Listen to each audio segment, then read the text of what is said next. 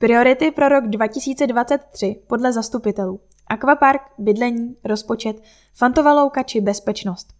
Na co by se měla příbram zaměřit v roce 2023? To byla otázka, kterou redakce Kahanu položila všem sedmi zastupitelským klubům, které zasedají v příbramském zastupitelstvu. Přinášíme pohledy těch volebních stran, které odpověděly. Rubriku připravil Stanislav Débřeň. Ano 2011. Z 22. roku 17. přinášíme řadu rozpracovaných projektů. Jejichž dokončení bude stát nemalé úsilí a nemálo peněz. Jako jediný příklad za všechny lze zmínit rekonstrukci Prokopské ulice na Březových horách. Tu jsme zahájili na podzim a do příštího podzimu bude hotova. Cílit musíme na realizaci úsporných opatření. Půjde hlavně o uskutečnění druhé etapy výměny veřejného osvětlení, při které bude nahrazeno více než tisíc starých světel. Současně připravujeme etapu třetí. Rozjíždí se i projekty na instalaci fotovoltaických panelů na městských budovách. Mezi zásadní projekty bude patřit i obnovení či nové vybudování přípojek na centrální zdroj tepla z příbramské teplárny. Ceny energií narostly natolik, že se tato cesta jeví jako nejvýhodnější. Čeká nás zahájení rekonstrukce akvaparku. Jejíž příprava se táhne už mnoho let. Navzdory snahám o zpomalení či snad dokonce zastavení projektu rekonstrukce se musíme zaměřit na její zdárné zahájení a efektivní směřování. Opravdu zde není čas ani prostor na vymýšlení dávno vymyšleného. V otázce rekonstrukce akvaparku je nezbytné začít konečně reálně budovat, a ne politicky bourat. V roce 2023 má být zahájena výstavba parkovacího domu na autobusovém nádraží. Projekt je vysoutěžený a je podepsána smlouva. Parkování obecně je záležitost, na kterou se příbram musí zaměřit. Konečným řešením bude zavedením parkovacích zón, jejichž primárním účelem bude vytlačit auta nerezidentů na odstavná parkoviště tak, aby nezabírala místo našim občanům. Zaměřit se musíme i na budování lokálních parkovacích ploch ve vnitroblocích a na místech, kde parkování chybí nejvíce. V obecné rovině bychom se všichni měli zaměřit na to, aby se nám ve městě společně dobře žilo. Není to jen o tom, co a jak radnice udělá nebo neudělá.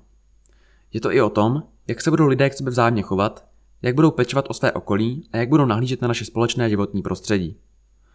Rok 2023 bude opět rokem výzev. Bude to rok nákladný a náročný. Česká pirátská strana. Je toho hodně, na co se v příbrami musíme zaměřit. Je důležité město nezadlužit a v současné ekonomicky náročné době hledat úsporná řešení tak, aby příbram měla rezervní prostředky na nezbytné investice a pravidelnou údržbu stávajícího majetku a infrastruktury. Je třeba vytvořit jasný plán údržby městského majetku, aby byla zachována jeho dlouhodobá životnost. Na velké a potřebné investiční projekty by Příbram měla co nejvíce čerpat prostředky z fondů EU a smysluplně je využít ve prospěch občanů, například na rekonstrukci čistírny odpadních vod. Stejně tak na inovace a chytrá řešení v oblasti energetiky. Je nezbytné začít s rekonstrukcí městských a školních budov s důrazem na zateplení a energetické inovace, investice do termických a fotovoltaických panelů. Bydlení a náklady s ním spojené jsou jedním z nejpalčivějších témat současnosti. Za důležité považujeme rozvoj městského bytového fondu a vytvoření dlouhodobé koncepce, na jejímž základě se bude v delším časovém horizontu postupovat. Ať už se bude jednat o stavbu nových bytů, odkup stávajících nemovitostí nebo o jinou formu. Nicméně je nutné si uvědomit, že dané téma není záležitost jednoho volebního období. Budeme nadále sledovat vývoj na Fantově louce tak, aby zde byl opravdu zachován biologicky cený mokřad a tato lokalita byla vyhlášena za chráněné maloplošné území.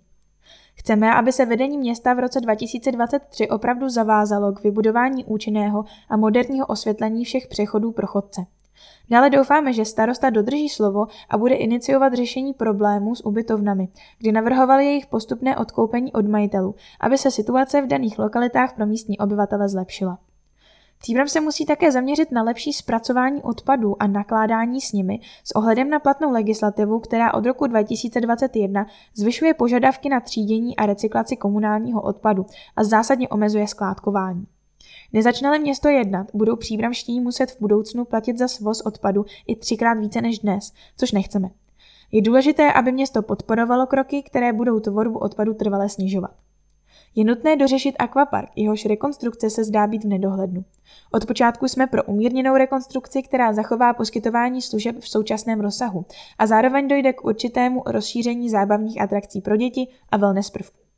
Podporujeme použití moderních materiálů, které zásadně sníží náklady na provoz a dlouhodobě nezatíží městský rozpočet. Spojenci.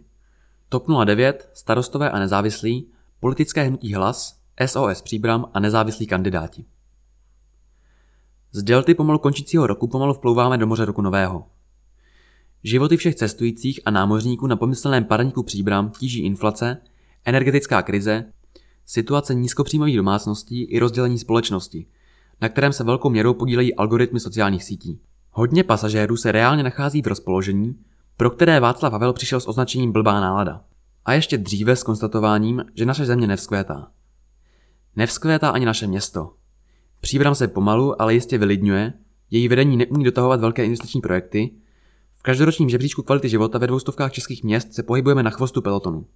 Provést město přes záhodné nástroje současnosti a ekonomicky ani lidsky nestroskotat. To je úkol pro schopného kapitána. Náš parník takového nemá. Posádce jako celku, včetně zaměstnanců městského úřadu, ale lze důvěřovat. Proto v prvé řadě určitě podpoříme smysluplný plán investic, který bude ladit s trvale udržitelným rozvojem. Plánem takového rozvoje je rozumně zpracovaný střednědobý rozpočtový výhled. Na současnou ekonomickou recesi musíme reagovat tak, jako reagují domácnosti a lidé. Musíme šetřit a zároveň investovat do energetických úspor. Příkladů by byla řada dalece přesahující prostor této rubriky, ale možné to je třeba za pomoci instalace chytrých termostatických ventilů na topná tělesa nebo fotovoltaiky na střechy našich budov. Na druhé straně nesouhlasíme se závratnou investicí do projektu Aquaparku, která se může změnit v černou díru městského rozpočtu. Hrozící půl miliarda za rekonstrukci půlky jedné budovy je pro nás nepřijatelná. Bazén by se měl základně opravit tak, aby byl funkční a prodloužila se jeho životnost.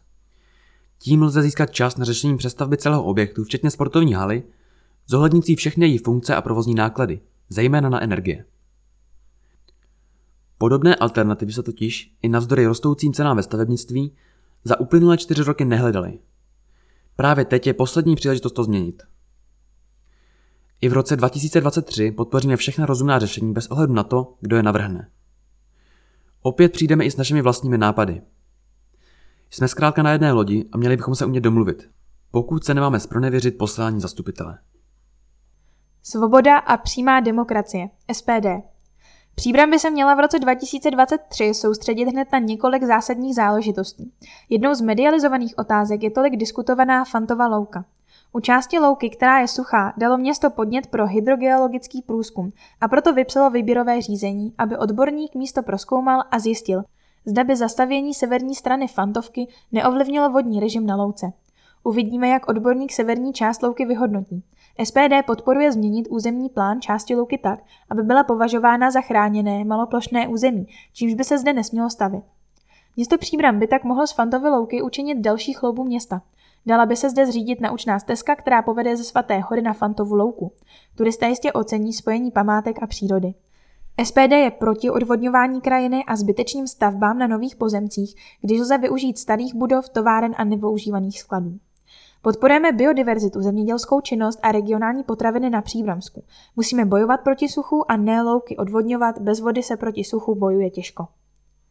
Další otázkou k řešení je bezpečnost města. Lze na to pohlížet z více úhlů.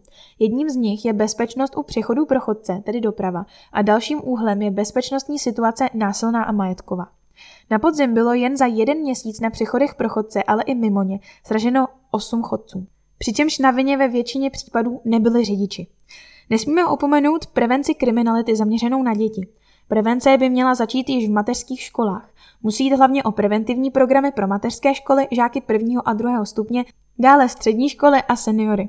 Za úvahu by stále i přednášky na téma Sám doma, sám na ulici, jak telefonovat, když jsem sám doma, jak jednat při kontaktu s cizími lidmi, co dělat, když mi někdo ubližuje nebo ubližuje druhým, povinnosti chodce na chodníku a chůze tam, kde není chodník, přicházení vozovky na přechodu pro chodce a mimo něj, nebo i nácvik volání na tísňovou linku. Další otázkou pro rok 2023 je rekonstrukce akvaparku, která je již před spadnutím a hledá se stavební firma, která by ji realizovala do zdárného konce. Nesmíme zapomínat na výstavbu nových bytů pro mladé rodiny, v nichž by bylo regulované nájemné. Je nám jasné, že město tyto byty stavit nebude. I v příbrami jsou však subjekty, které byty budují a město by se s nimi mohlo dohodnout na prodej za rozumné ceny. Další výstavba je však silně závislá na rekonstrukci a rozšíření čistírny odpadních vod.